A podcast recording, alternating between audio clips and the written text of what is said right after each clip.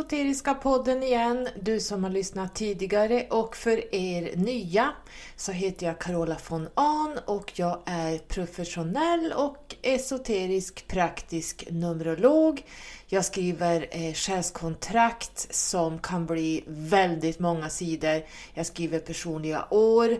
Jag skriver också personliga månader och det här är jättebra därför att det här blir inga antaganden och gissningar eh, genom andras filter och tarotläggningar och eh, att andra ska, någon form av medium ska tala om för dig hur ditt liv kommer att spela ut sig på olika plan.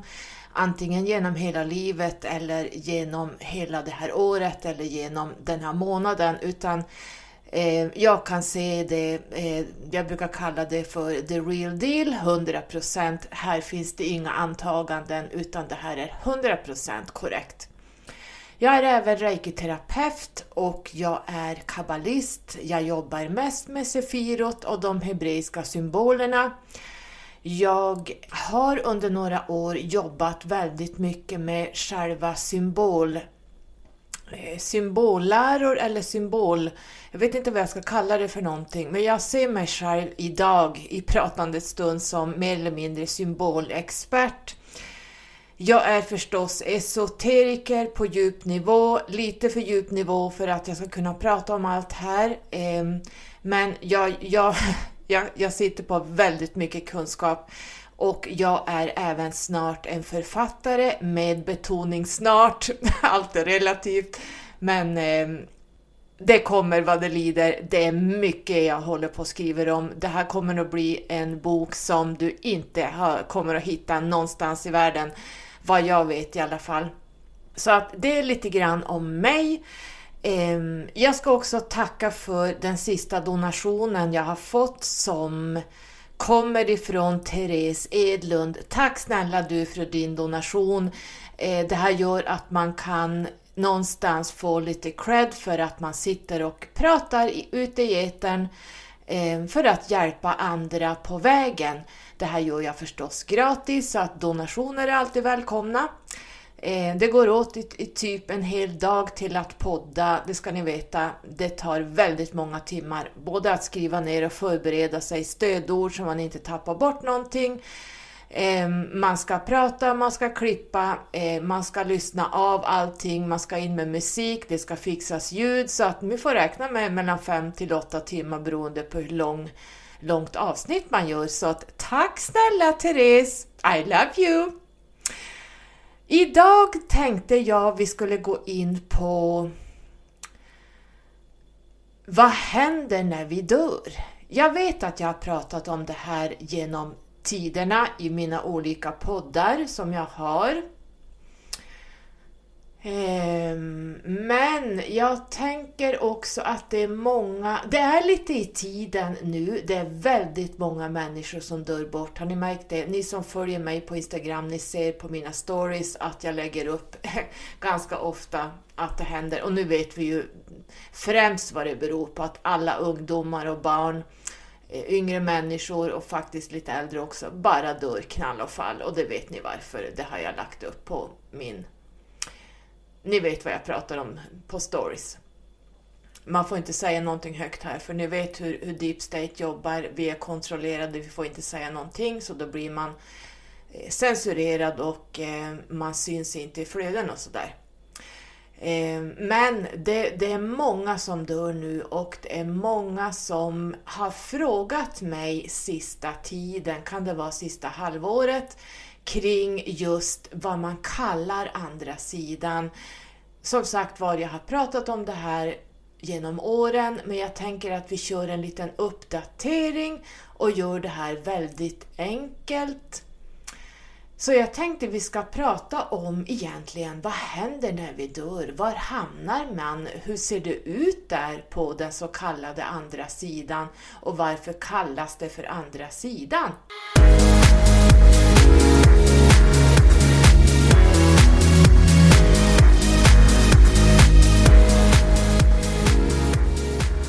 Ja, så varför jag egentligen, förutom att ni har ställt frågor och förutom att det dör mycket människor nu som flugor, alltså det är ungdomar och det är barn och det är yngre människor som, ja, det, det är så mycket nu så att man, jag har tappat räkningen.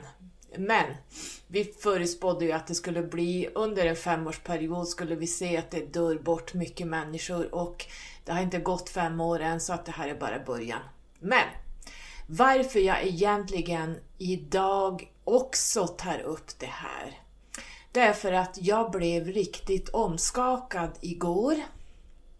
Ni som har följt med på mina Instagram stories så vet ni att det hände någonting igår. Jag har ju de sista dagarna här satt ni vet, vi har ju, om man lyssnar på det här längre fram så har vi maj just nu och det innebär vår och det innebär att jag börjar jobba väldigt mycket fysiskt ute. Så jag har börjat röja upp ute på min uteplats som är ganska stor och eh, få ordning där ute och börjar planera växter och sådär. Så att jag har satt då popcorn och det vet ni, det vart ju trendigt i fjol. Det vart, gick viral att man skulle sätta popcorn. Eh, det blir jättehäftigt utegräs som kan bli upp till 3 meter så jag tänkte jag sätter en, en 5-10 krukor med popcorn och det jag gjorde. Men det är lite för kallt på nätterna här uppe så att jag tar in dem på natten, alla dessa krukor och eh, bär ut dem igen nästa dag.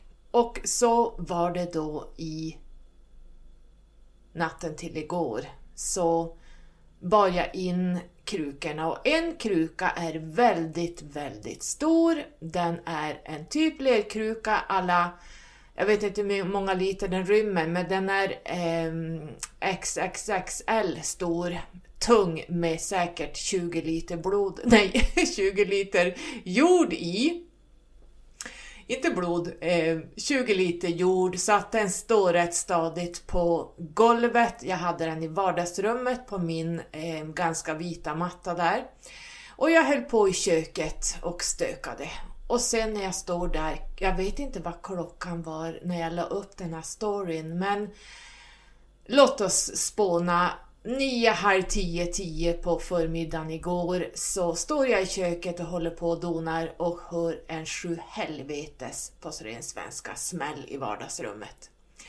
Det small till så högt så att jag hoppade rakt upp och tänkte, vad var det som rasade?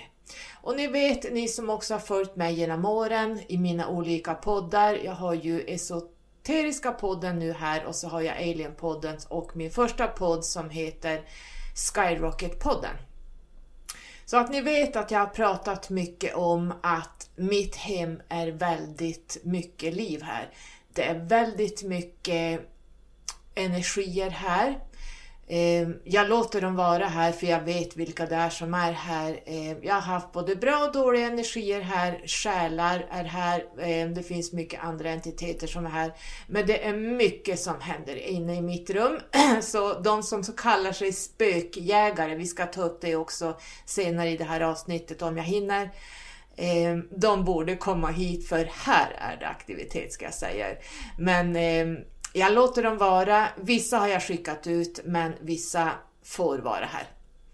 Vi kommer in på det lite längre fram. Men jag tänkte direkt, vad var det? Jag, alltså man hinner ju tänka, jag hinner tänka att nu är det någon här. Så jag går då till vardagsrummet och tittar. Tittar först upp mot väggarna och då ser jag då att den här jättetunga krukan som har stått hela natten har vält omkull sig själv All jord ligger ute på min vita matta och jag svor ju som, ja, ni vet inte, jag, var, jag blev flygförbannad för att jag såg vilket jobb det blev. Jag hade annat jag skulle göra och nu är jag tvungen att börja sopa upp det här. Sen måste jag dammsuga och sen måste jag stå och gnugga och hålla på för att få bort den här. Det blir alltid lite som en jordfärg på. Jord är väldigt svårt att få bort. Så jag hann tänka det först blev jag jättetriggad, jättearg. Och det här går ju så fort. Sen börjar jag tänka, vad har hänt? Och jag vet att när det händer saker, speciellt när saker faller omkull eller när saker går sönder, då är det meddelanden om att någonting har hänt, eh, tornet har fallit, någon har gått bort eller det kommer någonting som kommer att gå sönder, det kommer någonting som kommer att falla bort ur ditt liv. Det vet jag. Så jag började tänka, var det här till mig? Är det någonting som kommer att falla bort ur mitt liv? Eller är det någon som kommer att lämna? Jag började tänka på min pappa. Ni vet, tankarna går så fort, men jag visste att det här var någon som ville visa mig någonting har hänt. Och när någonting faller så här, en kruka som står så här stadigt, som är så här tung, ska egentligen inte en, en själslig, andlig energi kunna välta omkull, men här fick jag beviset att de kan det. Och jag kände jättedålig magkänsla eh, medan jag försökte få bort jorden och rengjorde mattan. Det här tog säkert en och en halv timme innan jag var klar. Och jag hann gå igenom ganska mycket vad det här betydde. Jag kände en dålig känsla hela dagen, jag var lite lågfrekvent, det var någonting som jag kände, det är någonting som har hänt. Men jag höll på där, jag höll på ute, jag var på stan, jag var och handlade Ehm, till mina utestolar så handlade jag fyra stycken sådana här eh, sittunderlag fast det blir egentligen till höga stolar. Eh, de var jättelånga sådär. Jag fick köpa fyra stycken till två stolar för att eh, det skulle räcka. Ja, skit i det. Nu hamnar vi i det praktiska. Men eh, det praktiska det jag höll på med, men jag höll på med ganska mycket överallt igår. Jag var överallt och ingenstans. Jag var på stan, jag handlade en kjol, jag var liksom planterade, jag stökade på ute hela dagen. Men hela tiden så kände jag att det var någonting som inte stämde. Sent på kvällen igår så satte jag mig äntligen i soffan och öppnar telefonen och då ser jag där i våran dagstidning att en känd person för mig, väldigt känd person, en ung person, har avlidit i en olycka under natten. Ja, men naturligtvis. Och det här är en person som jag har håller väldigt, väldigt varmt om hjärtat. Det är en, en ung person som är ganska känd inom den branschen den här personen håller på i. Um, är man inte inne i vissa branscher då vet man oftast inte vilka de är, men det här är en person som är väldigt känd kan jag säga. Och jag har haft förmånen att eh, mer eller mindre jobba eh, med den här personen på offentliga platser genom åren och jag har också, jag känner pappan väldigt väl. Jag känner mamman ännu mer väl så att det, det här blev för mig en total chock. Och det här blev också resultatet av att jag tänker prata om livet, att vi måste någonstans leva livet. Det pågår just nu. Att vi verkligen måste ta vara på det, den tid vi har fått. Därför att en del människor som dör i olyckor, det kan man tycka är tragiskt och det är det naturligtvis för oss som är kvar.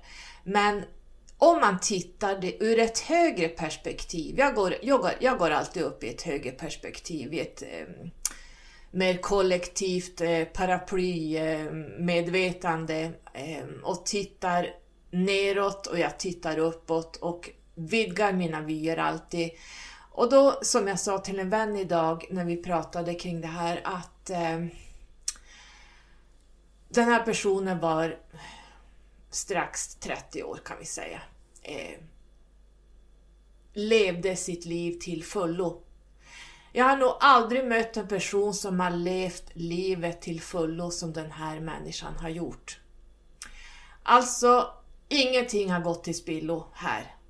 Man kan nästan säga ADHD på steroider. Alltså, den här människan har levt. Alltså, ni anar inte hur den här människan har levt och upplevt livet, alltså inte ens om man blir 85, om man tänker någon som är 85 år och går bort, hur har den personen levt?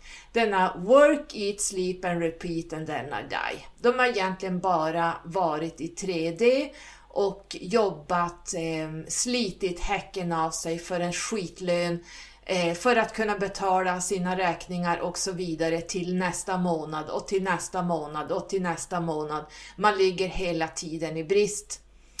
Eh, så att många tre, tredimensionella människor lever i work, eat, sleep and repeat and then I die. Man tänker att när jag går i pension då ska jag börja leva.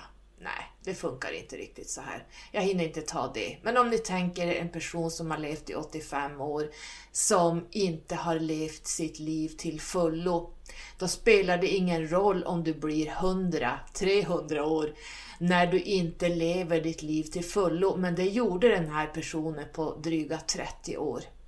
Den här personen levde mer livet än vad en 85-åring har gjort till exempel. Så att det här ska vi ta till oss att när en människa åker hem kan man säga, åker tillbaka till vårt ursprung så ser vi det som är kvar som jättetragiskt. Den här personen har ju knappt hunnit leva, den här personen har ju så mycket kvar att göra. Tittar man på den här personen så har den inte missat någonting. Absolut ingenting den här personen levde livet till fullo, att jag kan inte ens förklara hur till fullo den här personen har levt. Så att jag, därför gör jag det här avsnittet idag och jag kommer att ta upp, nu har jag skrivit lite stödord här, mest för att jag ska inte glömma någonting och att vi ska hålla en viss struktur här så vi inte hoppar hit och dit som jag kan göra och hamna på sidovägar som ni vet, ni som är vana att lyssna på mig. Men det får ni ta. Jag ska försöka hålla mig ganska strikt kring mina punkter här, men för att återgå till den här krukan så var det naturligtvis att den här krukan föll för att den här personen lämnade jordelivet, naturligtvis. Så att eh, det här är också vad jag kommer till sen när man kan titta på tecken så är det som så och jag får väldigt mycket tecken eh, varje dag skulle man kunna säga. Det gäller bara att vara vaken och förstå vad de här tecknen är, när de kommer, hur de kommer, vem som skickar dem. Vi får tecken hela tiden från universum och ni vet jag som är numerolog brukar också flagga för numerologiska siffror som kommer som jag kallar för direktmeddelanden.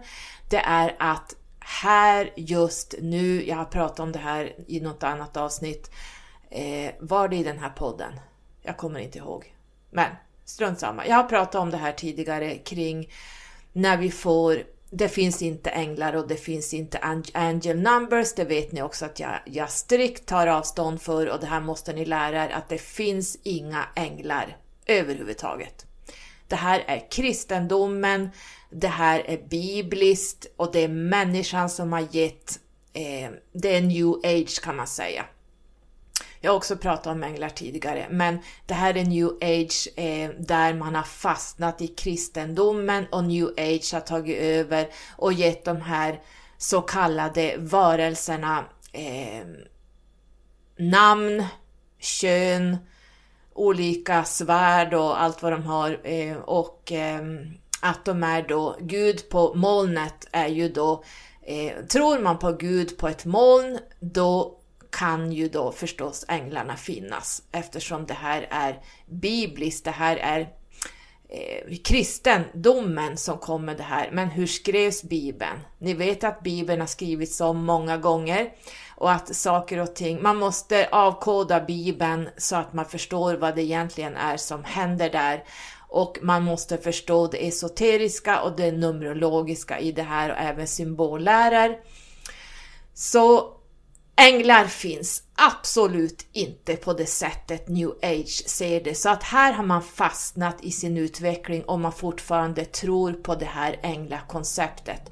Så finns inte ett Gud på, Gud på molnet, det vet vi som är esoteriska och vi som jobbar ur högre dimensioner, vi vet att det finns ingen Gud på ett moln. Och finns det ingen Gud på ett moln, var kommer då änglarna in någonstans? Var är de och var kommer de ifrån? Det har jag också pratat om genom åren, eh, men man också ska titta på Jesus. Vem är egentligen Jesus? Vem är egentligen jungfru Maria? Det här vet jag. Jag vet det här exakt vilka de är och, eller egentligen skulle man kunna säga Jesus har funnits i många konstellationer och alla de här konstellationerna där så, den så kallade den här profeten har varit nere här så är det, den alltid född 25 december. Det har jag också pratat om i Skyrocket-podden eh, långt, långt, långt tillbaka. Där jag också pratat om hur många versioner det finns av Jesus. Eh, men vem är han egentligen? Jag vet exakt vad det här är för entitet och var det här kommer ifrån. Och jag vet exakt vem jungfru Maria är. Jag vet precis allt kring det här. Jag har avkodat allting så jag vet det och det kommer vad det lider. Men um, angel numbers finns inte utan vi pratar esoteriskt här. Vi pratar inte ur new age och vi pratar inte ur kristendomen. Um, jag tycker heller inte om det här med att man måste fastna i olika förbund. Eh, jag tycker inte om förbund, jag tycker inte om Reiki-förbundet eftersom Reiki-förbundet inte håller på med den reikin som är original utan man lägger till en massa andra saker som inte är reiki och då är det inget förbund för reiki. Jag tycker inte om mediumförbund eh, därför att man ska kategorisera upp det här och det finns inte i de högre sfärerna. Så om man tänker sig spiritualisterna eh, de har vissa läror de går efter och det kan man inte göra när man jobbar esoteriskt. Det finns inga sådana läror eh, ovanför oss så att säga, om man går upp i väldigt höga dimensioner så finns inte det här. Utan eh, har man sett en döing, eh, många döingar som man pratar med och är ute och reser och astralreser, då vet man att det finns ett liv efter döden. Så man behöver inte älta det här hela livet och flera hundra år, utan eh, så ser jag det. Det är min eh, personliga åsikt. Men spiritualisterna har kommit så pass långt att de vet att det finns inga änglar. Så är det. Så att där kan jag ge dem ett plus. Annars tycker jag inte om att man ska hålla sig i fack, undergrupper, eh, att vi ska kategorisera eh, andligheten, själs, eh, det själsliga och andliga i olika trosystem och det här kommer att försvinna för vi har Pluto i Vattumannen nu under väldigt många år, är det 20 år någonting. Ehm, och sen har vi, är vi på väg in i Vattumannens tidsålder. Här kommer vi att släppa fiskarnas tidsålder med alla trosystem och religioner och new age. Det är dags för oss att gå vidare. Så att allt har en process. Är man där, då är man där.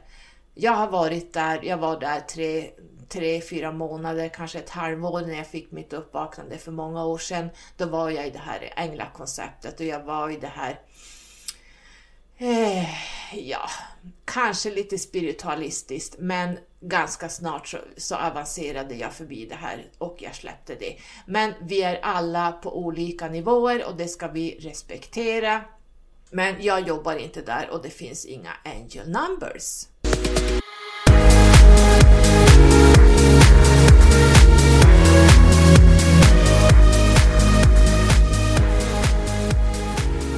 Så Varför är vi här? Eh, varför dör vi? Det här är ju frågor som många ställer sig i någon gång i sitt liv så börjar man ställa sig de här frågorna. Ehm, som ni vet så brukar jag säga att varför är vi här? Jo, därför att jorden är en skola. Vi går ner med en blueprint, ett själskontrakt, ehm, både numerologiskt som kanske är ganska mycket mer avancerat och specificerat, men även astrologiskt så väljer vi även vårat soltecken, våran ascendent, eh, vi väljer månetecken, vi väljer noderna, Eh, ofta ser vi också att eh, norra och södra noden finns med i själsgruppen, eller egentligen själsfamiljen. Det är lite skillnad på själsgrupper och själsfamiljer, men eh, noderna kan jag se, jag har studerat ganska många generationer bakåt eh, på min pappas sida och min mammas sida där jag ser att noderna följer med i generationer. De är antingen likadana eller så är de spegelvända. Så att det här ser vi också att det följer med i själsfamiljerna. Ehm, vi är här också för att lösa familjekarma. Vi är här för att lösa social karma. Till och med landskarma. Titta i Mellanöstern vilken karma de bär på med alla dessa krig. Och ni ska veta, det här är ju platsen för Anunnaki när de var här och härjade är det 400 000 år sedan, jag kommer inte ihåg, men någonstans där så var de här. Eh, vi har också personlig karma och vi har även karmiska skulder som visar sig, som följer med inkarnation efter inkarnation som vi inte jobbar med. Och karma och karmisk skuld är helt olika saker. Det här ska man inte blanda ihop. Och allt det här är en utveckling. Och kan vi göra allt det här i en själslig variant, det går inte. Vi måste ner på ett fysiskt plan där kropp, själ och ande sitter ihop. Egentligen är vi inte tre delar. Många gånger ser vi att vi har en kropp och så sen så har vi en själ och så finns det en ande någonstans eh, som är med på ett hörn här. Men allt det här är ett och samma egentligen, därför att de här tre delarna är egentligen inte uppdelade utan just as we speak så är de ett. Kroppen är bara ett fordon som själen och en del av anden går ner i för att utföra allt det jag har rabblat upp här. Eh, allting på jorden i det jordliga planet handlar om lärdomar, utveckling och höjningar. Så jorden är en skola. Nu vet jag att jag låter som en grammofonskiva, jag pratar om det här i år, i år, i år, inte i år utan i många år kring det här. Men för alla nya lyssnare så kan det vara bra att veta vad det här handlar om. Så när man då får sitt numerologiska själskontrakt Folk nästan ramlar av stolarna. Ja men ja! Och jag kan liksom se vad man har pysslat med i tidigare liv. Vad man är inne i för processer just nu där man delar upp livet i fyra delar.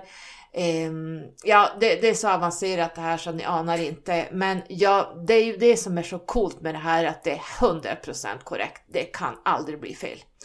Eh, går man till en tarotläggare eller ett medium, glöm att du får någonting korrekt där. Det är antaganden och saker som, det blir inte 100%, tro mig. Så därför är vi här, fysiskt. Men själen då, den är ju fri. Den är helt fri att egentligen göra vad den vill eh, när vi sover. Den är med oss i kroppen när vi gör vårt många gånger tråkiga liv. Och här kan vi börja känna en själslig kallelse att vi sitter på ett jobb och bara är i 3D. Eh, man sitter på ett jobb bara för att få en lön. Eh, man står ut. Det blir bättre när jag går i pension. Är det då vi ska börja leva? Efter 65-75 år? Är det då du ska börja leva? Så själen lämnar kroppen på natten när vi sover. Varenda natt du sover så lämnar själen kroppen och drar iväg. Antingen till de som är uppe, kvar uppe på eh, i den här själsgruppen kan vi säga. Det är inte alla som är här nere och när vi går tillbaka är det inte alla som är där. Det är lite grann hur man går in och hur man går ut till det fysiska planet. Allting för att lära sig saker, höja sig och jobba bort karma och karmiska skulder. Hur kommer det sig då att själen inte vimlar bort sig när den är ute och, och reser? Vars reser den? Ja, den kan resa här på jorden, eh, besöka olika ställen här på jorden, men den kan även gå ut i fjärde dimensionen som oftast. Fjärde dimensionen är ju väldigt stor. Den innehåller egentligen nio nivåer eh, av olika plan, men eh, den kan åka runt den brukar inte dra iväg så högt om man inte kommer från till exempel vad vi kan kalla stjärnorna. Går man ner som en starseed då kan man faktiskt gå ut till väldigt höga dimensioner utanför astralplanet. Men det är väldigt sällan utan själen eh, jobbar oftast kring att hämta information från själsgrupperna som är, eh, inte är inkarnerade i det fysiska planet. Man pratar lite grann, själen håller dialoger. Det här låter jättekonstigt och det här låter jättemänskligt. Men så här ser jag att det fungerar. Jag tror mig när jag säger det. Jag har sett att det är så här. Jag har varit där. Eh, så att det är så att själen håller en kommunikation med en person oftast som inte utför sina själsuppdrag. För ni ska veta, själen har en specifik uppdrag i det här livet som den vill lära sig. Och är det så att det är en person som är väldigt stängd, väldigt destruktiv, då går man kanske inte den väg som själen hade tänkt sig när den inkarnerade. Det blir inte bra. Kommer själen att avbryta det här då, när man inte gör som det är tänkt. Nej, det gör den inte. Det finns en tidsinställd eh, tid när vi går in exakt på sekunden och det finns en, en ungefär samma när vi går ur. Men själen kommer inte att se till att du dör för att du inte utför det själsliga uppdraget utan du kommer däremot att få ett, en själslig kallelse och det här brukar jag kalla för eh, det själsliga och andliga uppvaknandet. Och det här är det här är så tufft så att du hamnar i the dark night of the soul. Här har jag varit några svängar och det här är en transformering som är utan dess nåde. Eh, egot måste bort här, du måste ändra ditt liv totalt. Det blir någonting i dig som sliter och drar att du är på fel väg. Du känner en sån dragning till någonting men du törs inte gå den här vägen för jag har ju inte de här pengarna eller jag har inte den här möjligheten. Jag vill bo i Spanien eh, men det går ju inte eh, för praktiska saker. Man tänker hela tiden i brist. Men du kommer till slut att tvingas in. Lyssnar du inte på den här själskallelsen, då kommer det ske saker som kastar ut dig ur ditt bekväma tredimensionella liv, destruktiva liv kanske, ehm, så att det blir tornet som faller. Men som sagt var, hur hittar själen tillbaka till kroppen när den är ute och reser? Det finns någonting som heter silvertråd. Det är ett mänskligt perspektiv. Eh, jag har kollat av, jag läste om det här för många, många, många år sedan eh, och tyckte att det här var bullshit. Men tro mig, jag har sett de här silvertrådarna. Det ser rätt häftigt ut när man ser andra själar. Det ser ut nästan som om du tänker dig ett foster har navelsträngen, det är ungefär samma. Det är as above so below. Det, allting är speglingar där uppe här nere så att den här barnets eh, eh, moders, eh, den här slangen, vad heter den? Eh, navelsträngen, den är ungefär samma som den här silvertråden eh, i ditt själsliga andliga jag som sitter fast i kroppen. Det är precis samma sak. Jag har sett det här. It's true. Jag ser mig själv också som mer eller mindre en dödsdola, fast jag inte jobbar som det. Det finns ju födsle, födsledolor eller vad de kallas och så finns det de som jobbar väldigt mycket med döden på hospisar och sådär, kanske på PAVA. Ehm, men oftast är det ju till 99% så är det vårdpersonal som blir dödsdolorna och jag har plus 35 år på nacken med det här så jag kan det här med människor som dör hastigt, med människor som ligger och väntar under en sjukdom, kanske till och med av ålderdom. Det finns tre kategorier av död och det är de här tre. Så jag har sett de här, jag kanske inte ska säga tusentals, men hundratals genom de här 35 åren har jag sett det här och tro mig att jag har studerat vad som händer. Så är det någonting jag är expert på så är det att titta på vad som händer med kroppen när vi dör. Mm, jag brukar titta på väldigt många aspekter. Ehm, man kan kort säga att pentagrammet är egentligen eh, de fyra elementen vi har här nere som vi alla består av. Och eh, om man tittar på pentagrammet på höger sida så har vi vatten. Här ser man en döende pers person, att det här börjar försvinna. Vatten, jag hinner inte dra vattenelementet, det är väldigt mycket kring det. Eh, men jag tar det bara som, som man kan se Eh, pentagrammet. Vi har vatten, vattnet börjar försvinna. Så kort sagt, när vattnet börjar försvinna, det vill säga i, i medicinspråk så tappar man vad man kallar cirkulationen.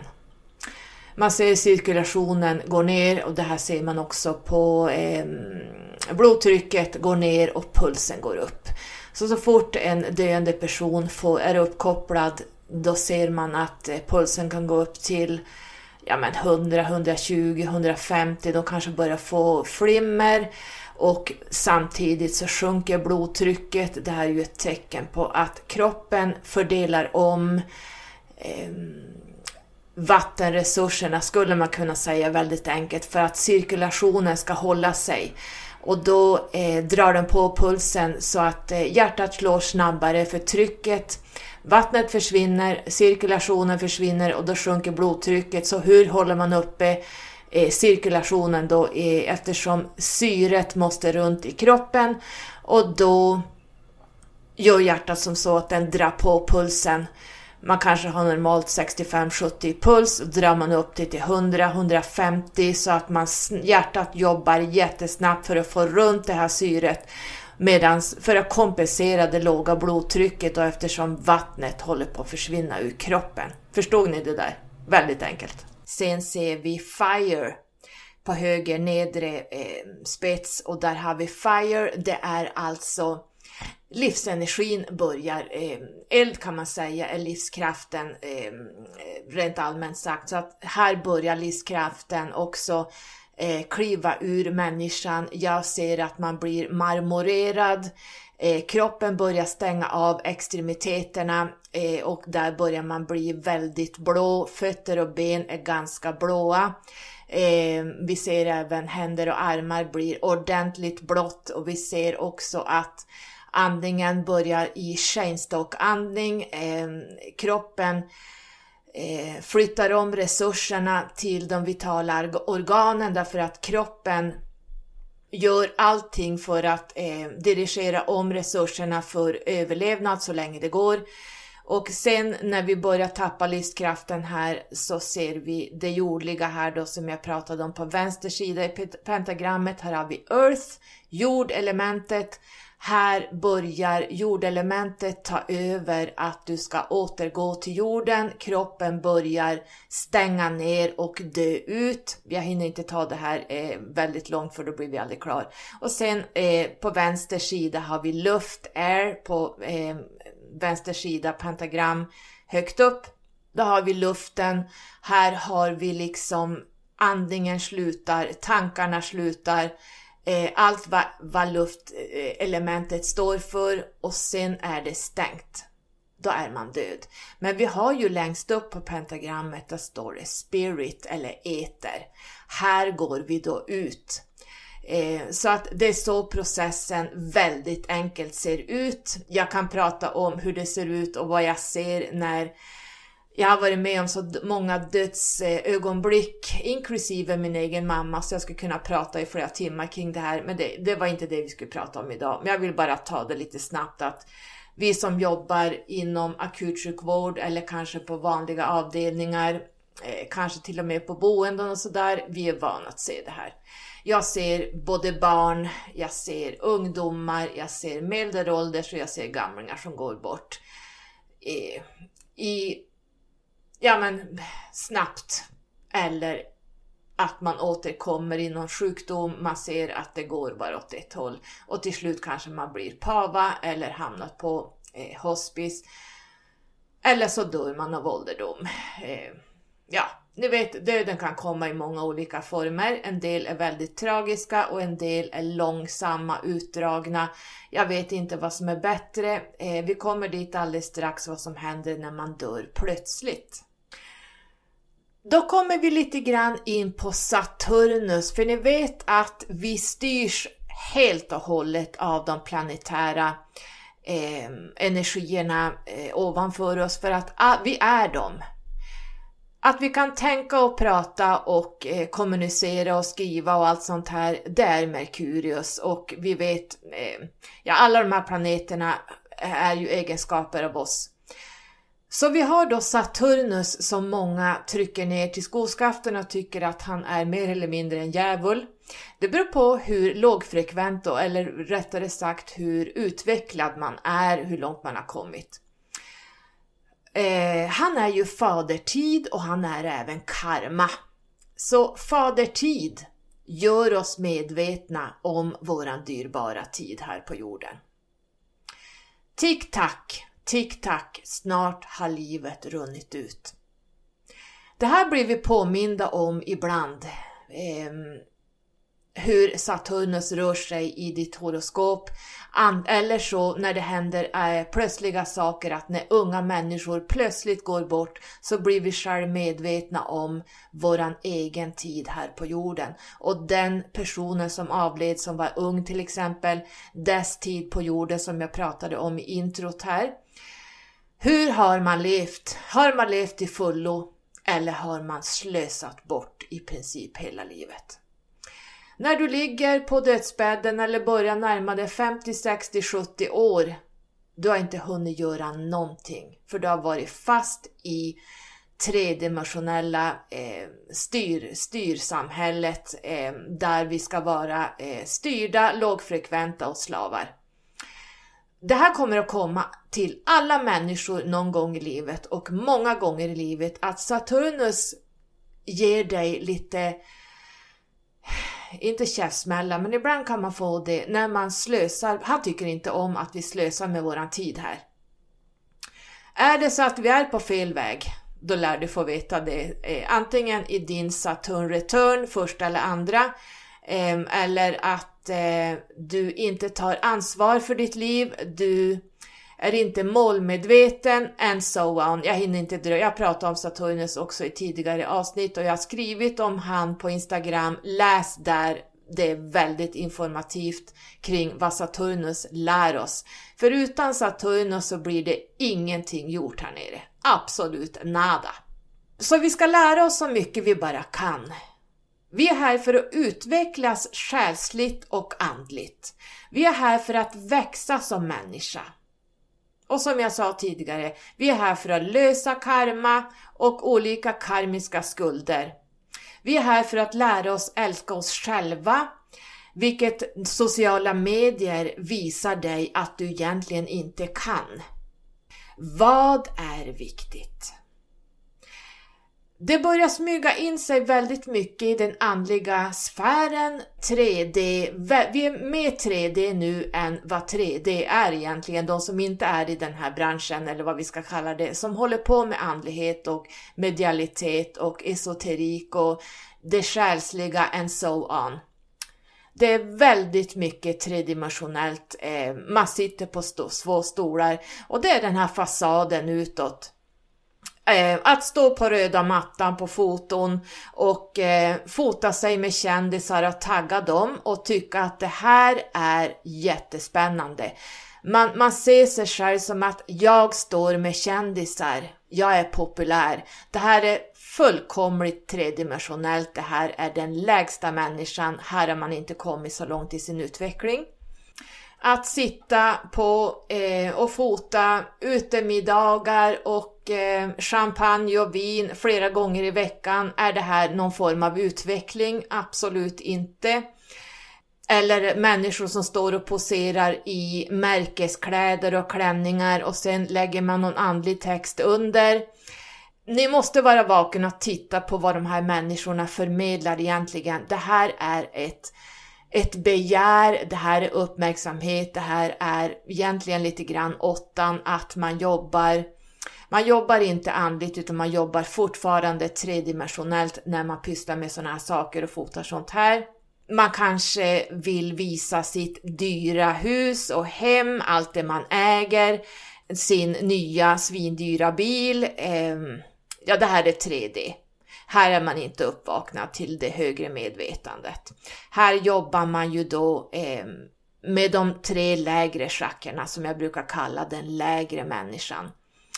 Sexismen har också, som ni vet, jag pratat om tidigare och skrivit på Instagram eh, och många med mig, att vi reagerar väldigt starkt på att det sexistiska har smugit in sig i den andliga sfären där, man, där den inte har någonstans att göra. Det här är ju de tre läg, lägre chakrarna man jobbar i, framförallt det andra chakrat som är sexualchakrat. Man blir så besatt av sitt könsorgan. Man söker, egentligen så är det så här att när man håller på och håller på med de här desires, det är att fly från vad som egentligen händer i ens liv. Det är många som jobbar med sexuellt, det här blir en Eh, det här blir en form av eh, en besatthet. Man är besatt helt plötsligt av sitt könsorgan. Tillhör det här den andliga utvecklingen? Absolut inte. Man blir besatt av sex. Man blir besatt av det här hårda sexet, hårda att bara sitta och prata om sexet som sådant. Jag har gjort ett avsnitt kring det här och det är skamligt, det är tråkigt, det är tragiskt, det är destruktivt när jag ser det här smyger in. Man får vara där, men håll er på 3D-sidan därför att man har inte hunnit så långt när man måste fastna i just det här desires. Man flyr ifrån det man egentligen ska jobba med, det man inte vill se. Hur kan vi se det här på andra sätt? Är det bara, det, det, finns de som är sexmissbrukare. Det är de som är spelmissbrukare. Man är, har ett missbruk att man måste dricka champagne och vin var och varannan dag för att kunna fly någonting som är lite jobbigt i vardagen eller någonting man inte orkar jobba med. Eh, skulder och eh, trauman och så vidare, det vill säga skuggarbete. Det finns godis, eh, man, man eh, eh, hamnar i något begär av godis för att döva någonting. Orgasmer och sexualitet är ju också att döva någonting. Desires, det är också, sa jag, spelmissbruk, det kan vara träningsmissbruk. Här, och eh, även de som är till exempel, eh, som min mamma hade hand om, eh, ätstörningsflickor. Eh, det är också eh, någonting som är destruktivt. Man äter inte eller så äter man ihjäl sig. Det finns liksom inget antingen eller. Knark, att fly den här världen, man flyr in i någonting för man orkar inte ta tag i sitt liv och trauman och allt sånt.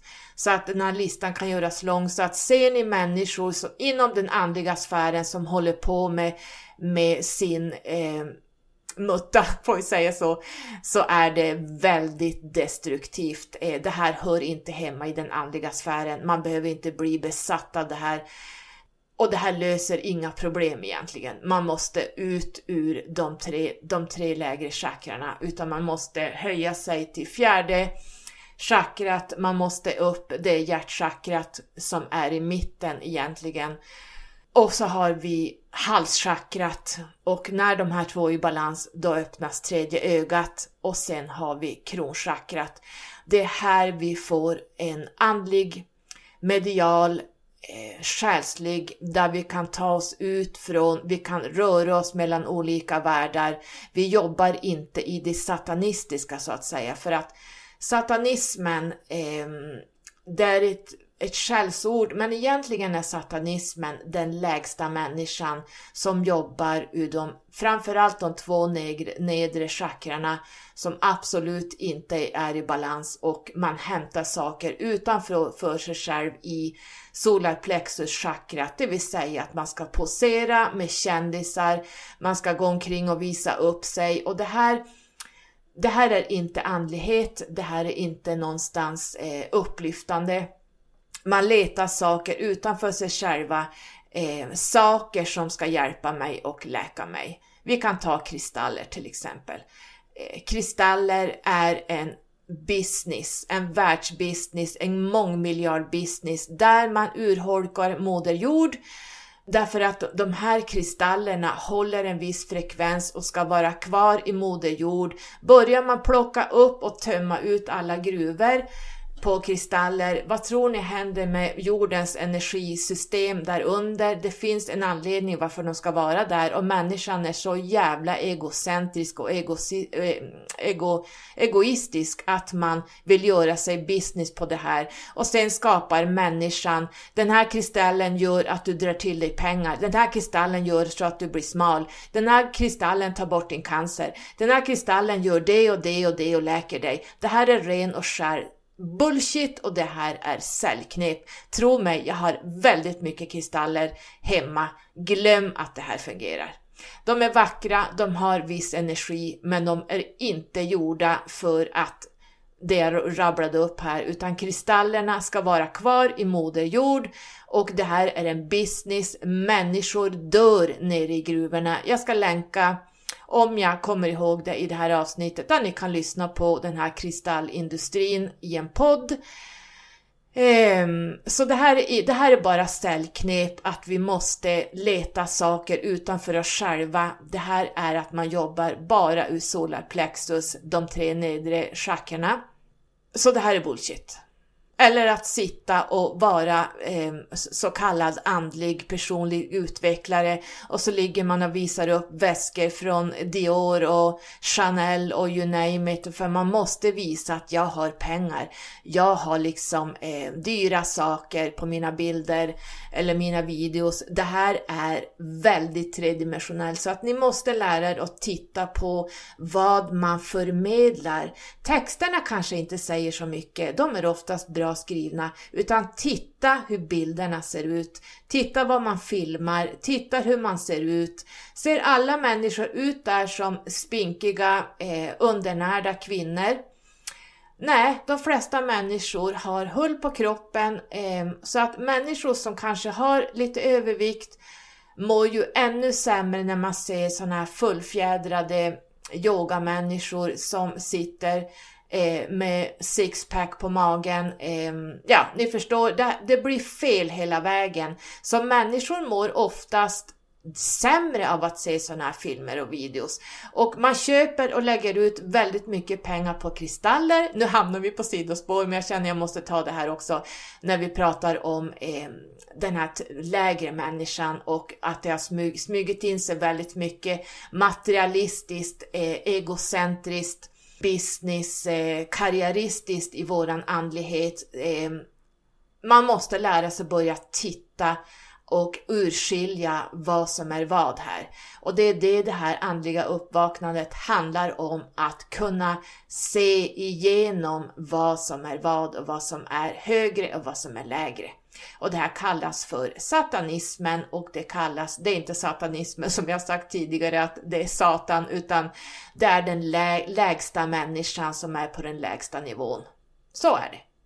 Så när vi jobbar i hjärtat och halschakrat och tredje ögat och kronchakrat, eh, det är svårt att nå till kronchakrat men vissa klarar det. Jag har klarat det när jag fick min kundalini-awakening, en full bloom.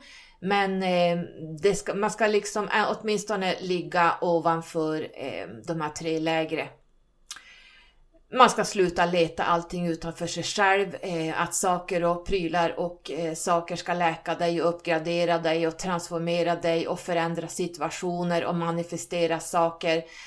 Eh, glöm det bara det är inte där du ska leta, utan det är inom dig själv med den personliga utvecklingen. Jobba med ditt själskontrakt som du får av mig, jobba ditt personliga år med ditt personliga år som de här personliga åren jobbar snabbt under året och under det här personliga året så sker en jättestor utveckling kring en viss eh, hur ska jag säga, eh, vissa teman som hjälper ditt själskontrakt att utveckla sig eh, i nioårscykler, i en epicykel. Så att det här är jätteviktigt att inte vara fixerad vid sitt könsorgan och vara i de lägre chakrarna och framförallt inte det här eh, kändisskapet och stå på röda mattan och fota sig bland kändisar och tagga kändisar och bara intervjuas av eh, personer. Det är samma rundgång i alla poddar idag. Det är samma intervjuer med samma människor. Det, alltså jag kräks, förlåt att jag säger det, men när man kommer så pass högt så ser man det här att folk har inte kommit så långt i sin utveckling ännu. Det är mycket ego kvar.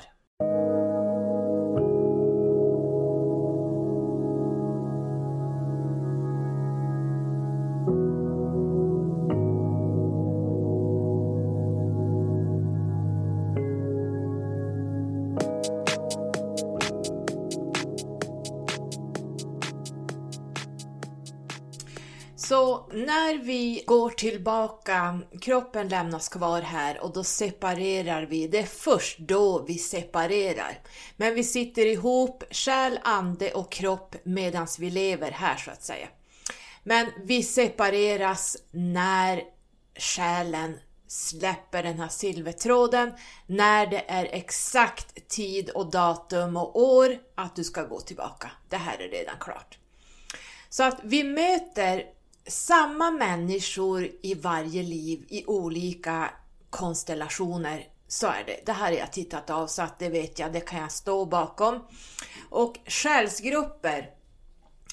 Jag pratar ju ofta om själsgrupper och det är egentligen en större grupp vi kan prata 2000 människor eller 1500, det beror på, eh, det kan vara mindre och större. Men själsgruppen är en större grupp av vänner, bekanta, kompisar eh, och deras kompisar och bekanta.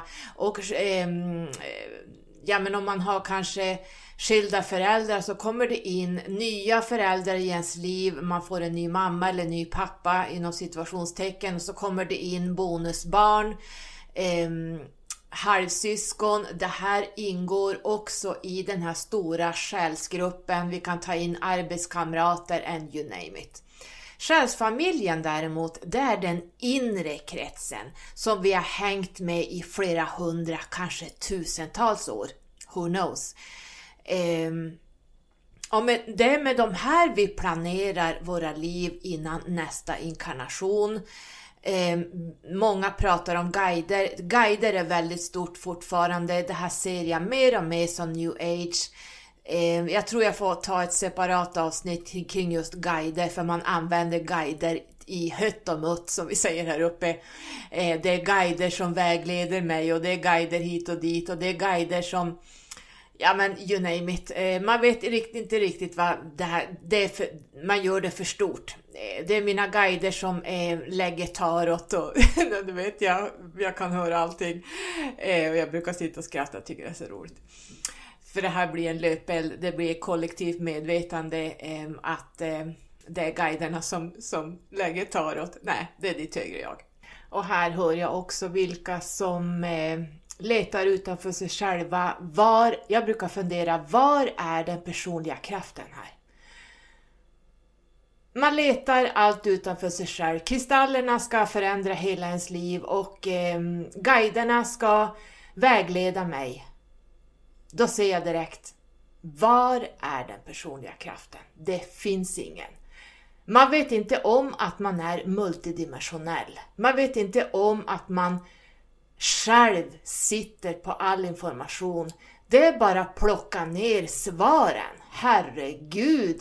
Det är bara att ta kontakt med ditt högre jag. Därför att det är ditt högre jag. Egentligen är det din huvudguide. Ditt högre jag är din huvudguide. Så att det här, jag brukar sitta och skratta, förlåt att jag säger det, men jag ser direkt vilka som inte har någon personlig kraft överhuvudtaget.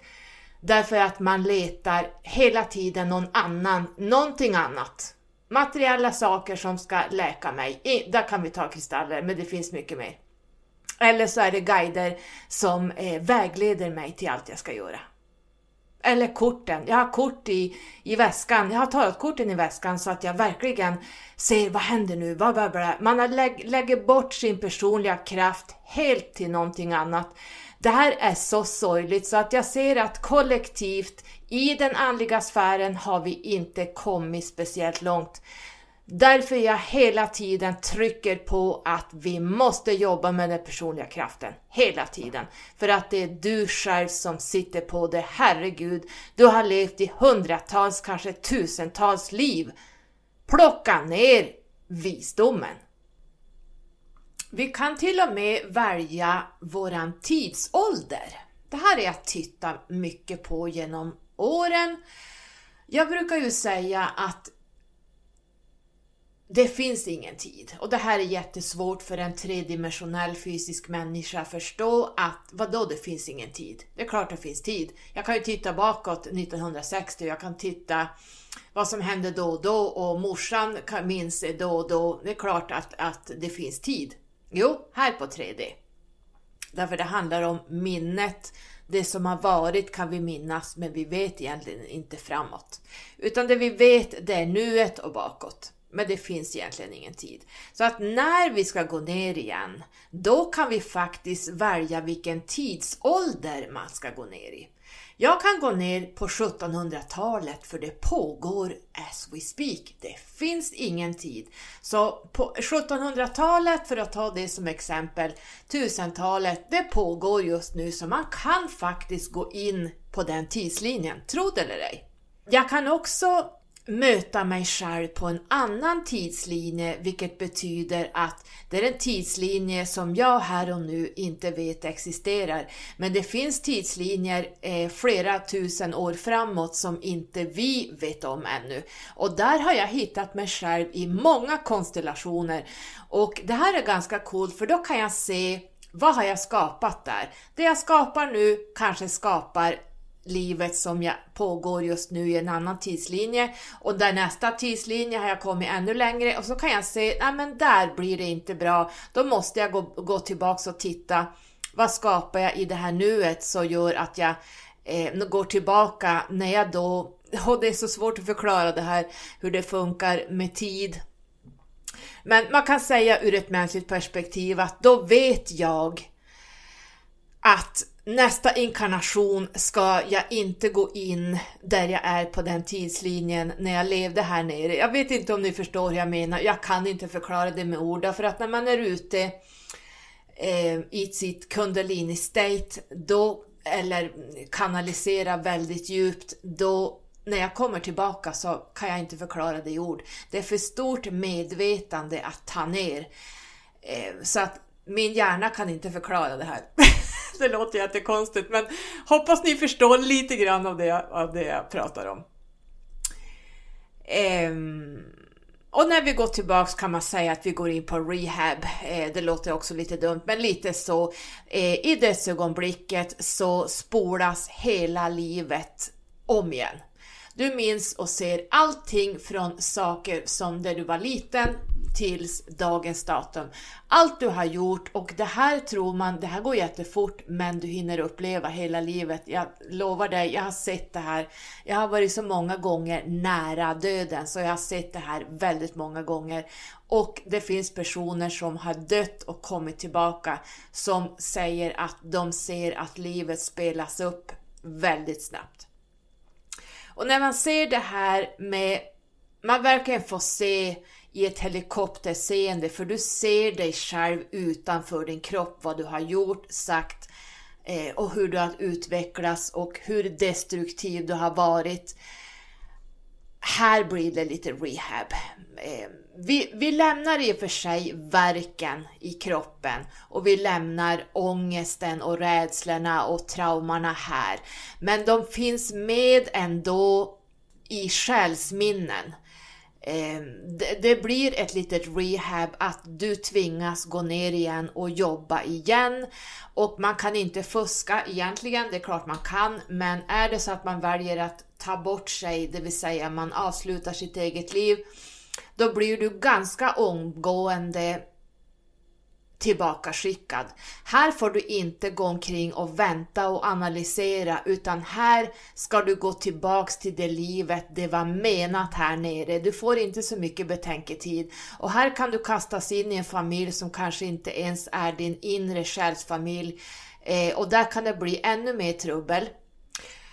Här kan man också, eh, den som är kvar där på, på det, vi, det vi kallar andra sidan det, de kan fungera, det kan man komma överens om att det blir en liten guide, en mänsklig guide. Och du ska veta att de här guiderna, alltså man blir guide åt den som är här nere så att säga, som har problem med olika saker. Så det kan bli att den här kommer att eh, hålla koll på dig under livet. Men man ska veta det att de här mänskliga fjärde dimensionen, astralplanets eh, andra sidan, har inte högre kunskap än dit man har hunnit från sista livet. Så att det är inte alltid att man får sådär jättemycket om man söker högre kunskap, då måste man söka andra guider. Och där är det inte många som kan plocka ner kunskap från dem, men oftast är det att de hjälper en mer med den fysiska jordelivet här kring det jag har rabblat upp innan. Hur kan man se dem här hemma då? Ja, jag har det ju väldigt livat här hemma. Jag har ju pratat om det här i åratal i, i vilka poddar pratar vi? Eh, vi pratar inte... Eh, Skyrocket-podden i olika avsnitt där har jag pratat om allt som har hänt här hemma. Oh my god. Eh, så jag, jag är, ehm, vet att de kan faktiskt om man inte är medial så kan de ändå, och sen är det all, inte, inte alltid till och med jag att jag, jag har så mycket kanske fysiskt att göra. Jag har två jobb, det är väldigt mycket runt omkring mig så det är inte alltid att jag gå ner på det här statet där man ser dem, men jag ser dem, jag hör dem, jag känner dem. Det är liksom, det, det finns inga svårigheter att se dem, men det är att jag måste liksom stilla mig. Eh, men de kan alltså slå på radion. De slår på TVn. De välter omkull saker. Eh, de kan tända och släcka lampor, sa jag det. Eh, du kan höra vissa ljud. De flyttar på saker. Du kan se skuggor fysiskt och du kan känna en närvaro till exempel. Ehm, jag har en kompis som för många år sedan ehm, nu ska inte nämna så privata saker, men den här kompisen till mig, hon var så, eh, blev vittne till en ganska ordentlig trafikolycka där två ungdomar dog. För att dra det här väldigt snabbt så hon var med under hela processen. Det var liksom ingenting kvar av de här.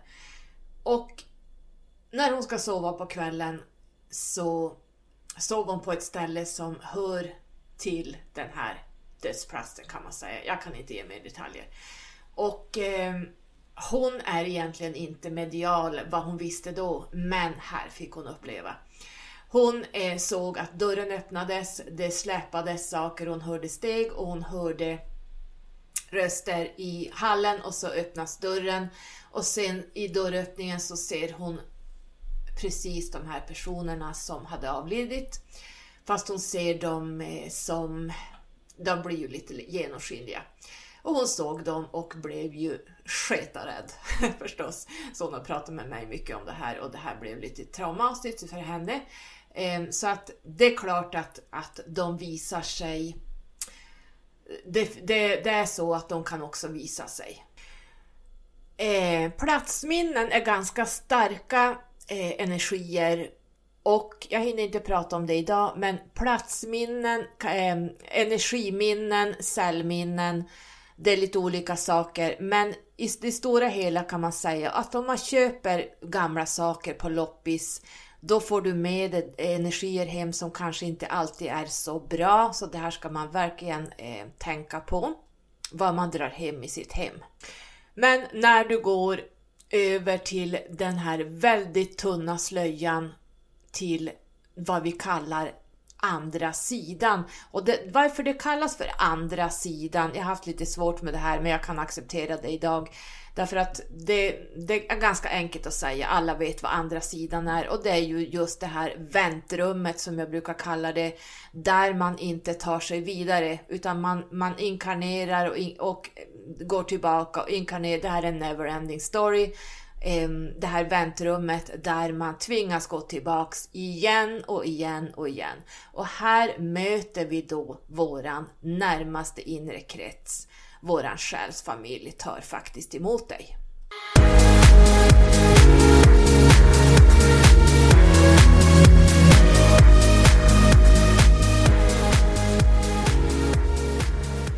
Hur ser det ut på i det här väntrummet på den här andra sidan.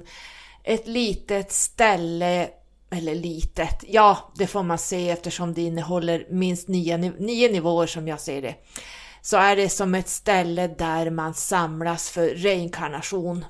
Ett väntrum, andra sidan, astralplanets fjärde dimension. Hur ser det ut där? Åker man till himlen? Det är många frågor som jag får. Och svaret är nej. Nu är vi inne i Bibeln igen, vi är inne helt i kristendomen och det finns inget paradis som det beskrivs utan jag har varit där många hundra gånger och det, det, finns, det ser inte ut som något, det är inte uppe bland molnen. Utan vars är den här andra sidan någonstans? Ja men den är här. Den är här på jorden fast det är en väldigt tunn slöja att ta sig igenom.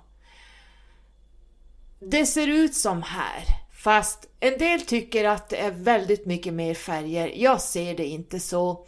Jag ser det att det är betydligt mer gråvitt, eh, svartvitt, inte riktigt helt svartvitt, men det är inte samma färger som här. Kommer man uppåt i fjärde dimensionen, då blir det mer färgskalor, men inte just här är det så som jag ser det. Och byggnader och vägar är exakt likadana som här.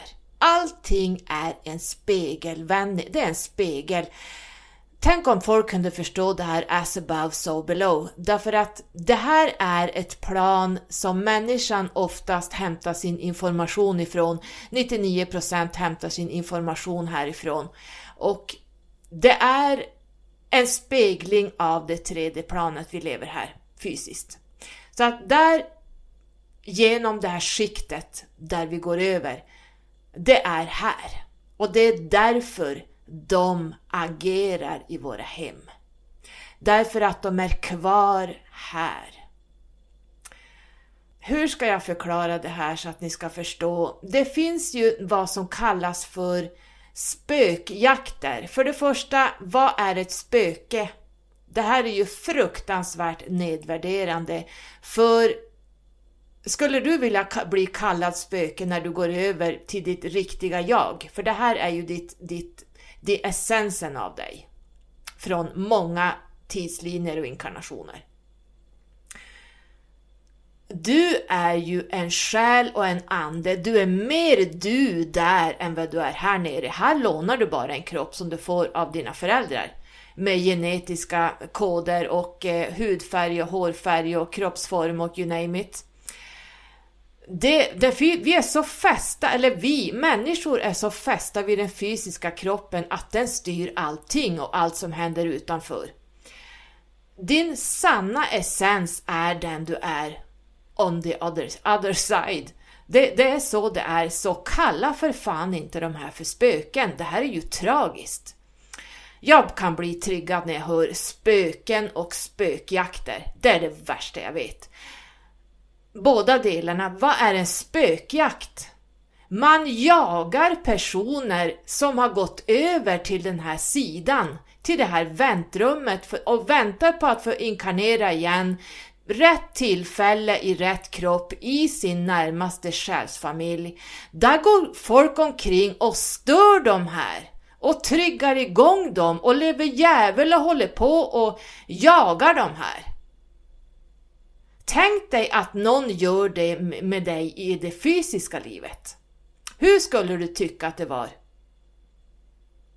Jag tror inte du skulle tycka det var speciellt trevligt, så jag förstår att man blir förbannad. På ren svenska. Jag tycker det här är oetiskt. Det är rent förjävligt. Ursäkta att jag tar ton, men jag känner att nå någonstans måste folk börja tänka till vad man håller på med. Det är bortgångna fysiska människor som lever vidare och ska ner igen, som folk håller på och jagar. Vad fan är det att jaga? Ursäkta mig. Vi vet ju att de här finns. Så fort man har mött en till tio stycken, då kan man lämna det här och gå vidare. Men folk tycker att det här, det är ju tredimensionella människor, visst det får vi ha förståelse för, men det är ju så här att de här tredimensionella stängda människorna som är helt begeistrade av det här, som är helt begeistrade av sitt könsorgan, och är helt begeistrade av eh, det fysiska, att visa upp sig och få bekräftelse fastän man påstår sig jobba inom det andliga. Det här är ju destruktivt. Riktigt säkert destruktivt. Så att sluta kalla dem för spöken och spökjakter. Vi måste sluta med den här formen av verksamheter.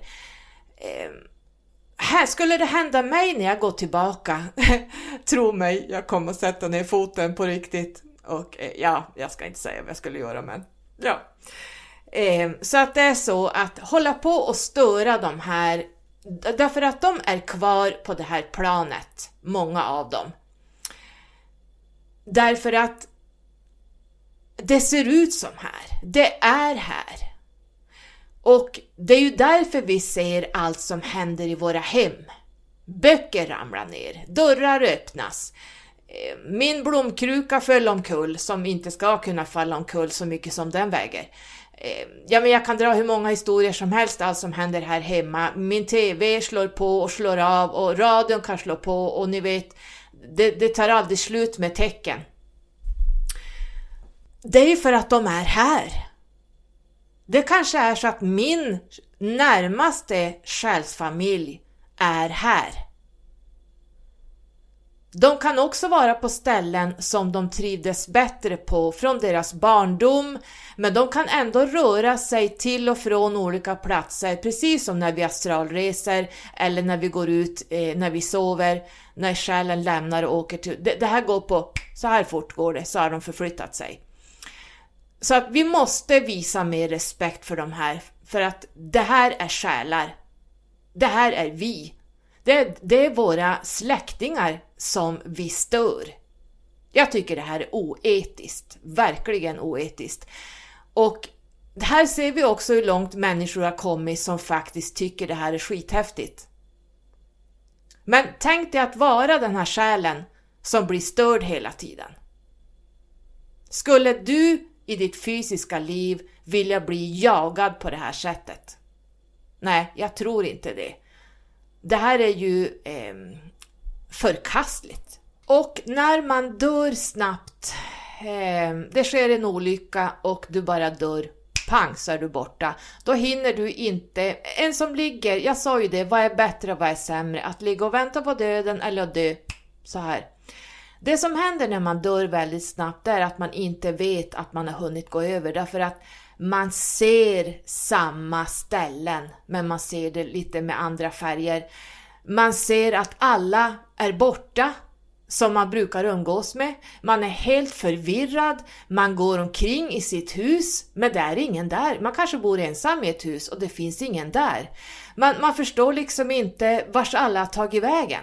Sen helt plötsligt en dag flyttar det in en familj i ditt hus som du tror fortfarande, du går omkring här och är helt förvirrad. Då flyttar in en ny familj här för det här huset, du har ju dött. Du kanske bodde här själv, säger vi. Och så säljs det här huset och någon ny familj flyttar in och sen börjar du tycka att vad har ni med, det här är mitt. Här börjar det så att säga aktiviteterna dra igång. Det stökas och det bökas och det händer mycket saker i det här hemmet och man tar in ett medium som ska flytta över den här själen till den riktiga andra sidan så att säga. Eh, fast den ser likadan ut, men jag kan inte förklara nivåerna här. Men det blir inte riktigt samma sak. Man måste ett steg till. Ehm, så att det är, ju, det är ju så man ser det att när det flyttar in en familj där en ande har, eller ande, det är ju en andesjäl fortfarande som är förvirrad, där man har dött så snabbt, man har inte förstått vad som har hänt. Och man kan inte tänka på det sättet man gjorde fysiskt. Det har jag också studerat om när jag träffat de som har varit väldigt förvirrade. Dels möter jag dem när de dör hastigt, när jag ser dem på akutrummet eller jag ser dem på andra ställen eh, när man ska göra vissa i ordning så kan jag prata med dem och säga vad som har hänt. Och jag försöker göra det så ofta jag bara kan därför att de är, de är i rummet. Men de förstår inte, vad fasen, jag ligger ju där, varför ligger jag där? Jag är ju, vad, vad är det här? Då brukar jag gå in för då ser jag dem. Då, då lugnar jag ner mig och så ser jag dem och så pratar jag med dem och förklarar vad som har hänt, att du ska ett steg till vidare. Jaha, okej, okay. ja men då så. Vänd dig om så kommer du att gå, gå så och så och så kommer du att bli mött av din själsfamilj. Eh, man kan titta lite grann efter ljuset. Det, det blir som en tunnel som jag ser det, att man kommer som, om man fortsätter gå och, och läm, de måste som lämna det här rummet och så måste de på, jag vet inte hur de tänker för de är ju andra eh, själar. Jag vet inte hur de men jag studerar dem, hur de gör. De, de vänder sig som om och så ser jag att de sugs bort på något sätt. Ehm, och då blir de omhändertagna där och så hamnar de automatiskt i det här andra sidan väntrummet där man blir mött av sina eh, släktingar och vänner, till och med sina djur och eh, då är man inte kvar och stökar längre utan då blir man i det här väntrummet och där kan man också röra sig ner på det fysiska planet naturligtvis. Ehm, men de är inte fast jordbundna här så att säga, så många själar kan gå här i flera hundra, kanske tusen år och inte bli hjälpta. Förstår ni skillnaden där? Nu har jag pratat jättelänge, ehm, men det man ska tänka på på den lilla tiden, korta perioden, vi vet inte när vi går ut. Eh, de som går snabbt, de har oftast väldigt lite att göra här nere. De är ganska klara och med snabbt så menar jag naturligtvis att man dör i yngre åldrar. Det betyder också att, det här jag pratat om för många, många år sedan, men vi tar det igen för alla nya lyssnare, att har man en anhörig som dör vid 15 år, 20, 25 eller något sånt, 30 år, eh, 40 år, ja det beror på, allt är ju relativt vad man anser som ungt, men eh, det, det beror på att de här hade inte så mycket kvar att göra här nere de kanske inte ens hade så mycket karma eller skuld med sig. De kanske bara var här för att höja världen, för att höja sin fysiska själsgrupp som är här nere man gör saker och ting väldigt positivt och sen drar man för att man var klar, det var det som var tanken. Så man måste börja tänka lite högre, man kan inte bara tänka destruktivt, om en förlust är en förlust och att förlora ett barn, det måste vara det värsta en människa någonsin kan vara med om, om man ens kan repa sig från det. Men tänk så, så kanske det blir lite lättare. Så vi ska tänka på den tid vi har här som är förlåt, väldigt kort. Vi ska sörja, men vi ska inte fastna för länge. När det gäller ditt eget liv så titta på var du är någonstans. Är du på din, titta, du som har själskontrakt från mig, titta på din själsinkarnation. Och så tittar du på din livsväg, börja med de två, titta om det stämmer överens om dit du ska, det du har skrivit själv. Känner du att du är helt utanför det? Om du verkligen sätter dig på en sten i skogen och analyserar, ta bort rädslor, ta bort eh, gupp och eh, begränsningar och allt sånt där, utan bara tänker att vad skulle jag egentligen, vad dras jag till i det här livet?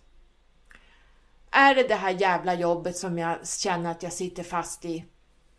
Starta ett företag. Jag ska prata, jag gjorde ett avsnitt som försvann, jag lyckades flippra bort det. Ehm, jag pratade om företagande för många veckor sedan. Ehm, så att jag kommer att ta upp det igen, eh, det här med att starta ett, vara en själsprenör, en soulprenör. Vad man ska tänka på. Eh, och det är ett sätt att verkligen göra det man älskar, att bli egenföretagare. Um, Titta också, känner du dig beroende av att ha en partner fast egentligen så vill du leva ensam. Egentligen så vill du slita dig fri och vara självgående, stå i din egen kraft. Du har inte behovet av att spegla dig i någon annan har man det så ska man naturligtvis fortsätta spegla sig och gå igenom de här karmiska relationerna för mer lärdomar. Då är det det man ska lära sig i det här livet. Om man känner att det är verkligen relationer jag vill hålla på med. Då, då får man bortse från det här. Men jag tänker att om du känner att du känner dig du är i en relation för att, för att du är rädd, du är i en relation för att du inte har någon personlig egen kraft. Då ska du börja titta på de sakerna. Du ska också i det här livet tänka på att utvecklas andligt. Allt det jag tagit upp här, det man letar utanför sig själv, eh, både fysiskt och bekräftelsesökande, tredimensionellt, det här med statusprylar och status och vara bland kändisar, det är 3D. En känd person, är det någonting, är det en utveckling? Nej. Det, det är liksom sociala medier som skapar kändisar. Är de här bättre än vad du är? Glöm det bara. Sluta vara destruktiv och se upp till andra, utan det är du själv som står i den största, häftigaste, multidimensionella kraft som finns. Ge inte bort den här kraften och titta på andra. Det, det är mitt råd. Sen ska du även tänka på att jobba kollektivt, eh, att hjälpa andra, att som jag gör i den här podden, Ehm, jag, för, jag hinner inte podda för mycket, eller så mycket längre, men tänk på det här med att jobba kollektivt för människornas bästa och att väcka upp människor från 3D. Kliv ur 3D, kliv ur det här jävla träsket. Work, eat, sleep and repeat and then you die. Sluta låta dig hunsas och att staten och kapitalet ska styra dig och regeringar med massa rädslor och eh, Ja, men jag skulle kunna prata om det här i timmar, men jag känner min röst håller på att ge vika här. Eh, ni vet vad jag pratar om, ni som följer mina stories vet vad jag pratar om där. Eh, ja, lite så tänker jag att vi ska börja leva, eller ni ska börja leva. Ni hittar mig som vanligt på letskyrocket.se. Där har jag mina tjänster som jag erbjuder, som jag anser, och jag står för det, att det här är det mest potenta, 100% säkert eh, själskontrakt, eller egentligen allt du får veta om dig själv och vad du har pysslat med i tidigare liv och vad du ska jobba med i det här livet. Även de personliga åren och även personliga månader Eh, jag jobbar med ganska avancerad reiki. Eh, jag ger just nu bara på distans och där kan man titta i reiki-kalender när jag lägger ut lediga tider. Ja, det är väl det jag erbjuder. Sen finns jag även på Instagram under namnet Let's Skyrocket official. Där finns det också, så där kan ni hitta väldigt mycket kloka saker som handlar mycket om astrologiskt, numerologiskt och lite annat smått och gott. Så, det var allt jag hade idag. Det blev ett långt avsnitt. Ack så potent. Väldigt viktig information att ta till sig. Ha det så bra tills vi hörs nästa gång. Jag vet inte när det blir nästa gång. Vi vet inte ens om det blir det nästa gång. Vi lever i nuet, så vi får se. Den som lever får se. Men jag har väldigt mycket annat som är betydligt viktigare. Eh, jag kan inte sitta och dela ut för mycket gratis saker för att då hinner jag inte. Du vet den här, jag är ju Saturnus-styrd. Tick-tack, tick-tack. Vad gör du med din tid? Är det att sitta och prata? Ja, jag jobbar kollektivt. Men det får inte ta över handen utan jag måste börja jobba mer utvecklande i mitt företag för att det ska få fart och jag håller på, jag har många saker jag håller på med samtidigt så att det här kommer att jag sätta mer fokus på därför att det här handlar inte om mig och mitt företagande i slutändan i och för sig gör det det, för att jag vill, jag vill jobba med det jag älskar och det är min Master 33. Det är att jag måste, jag lever på den högsta tidslinjen just nu och det är att dela ut till er e-böcker, pdf-filer. Jag kommer att mata ut så mycket esoterik och kring allting jag har allt det jag kan. Det är så mycket så att jag hinner inte ens rabbla upp det. Så att det här kommer att ta min mesta tid, så därför vet jag inte när nästa avsnitt kommer.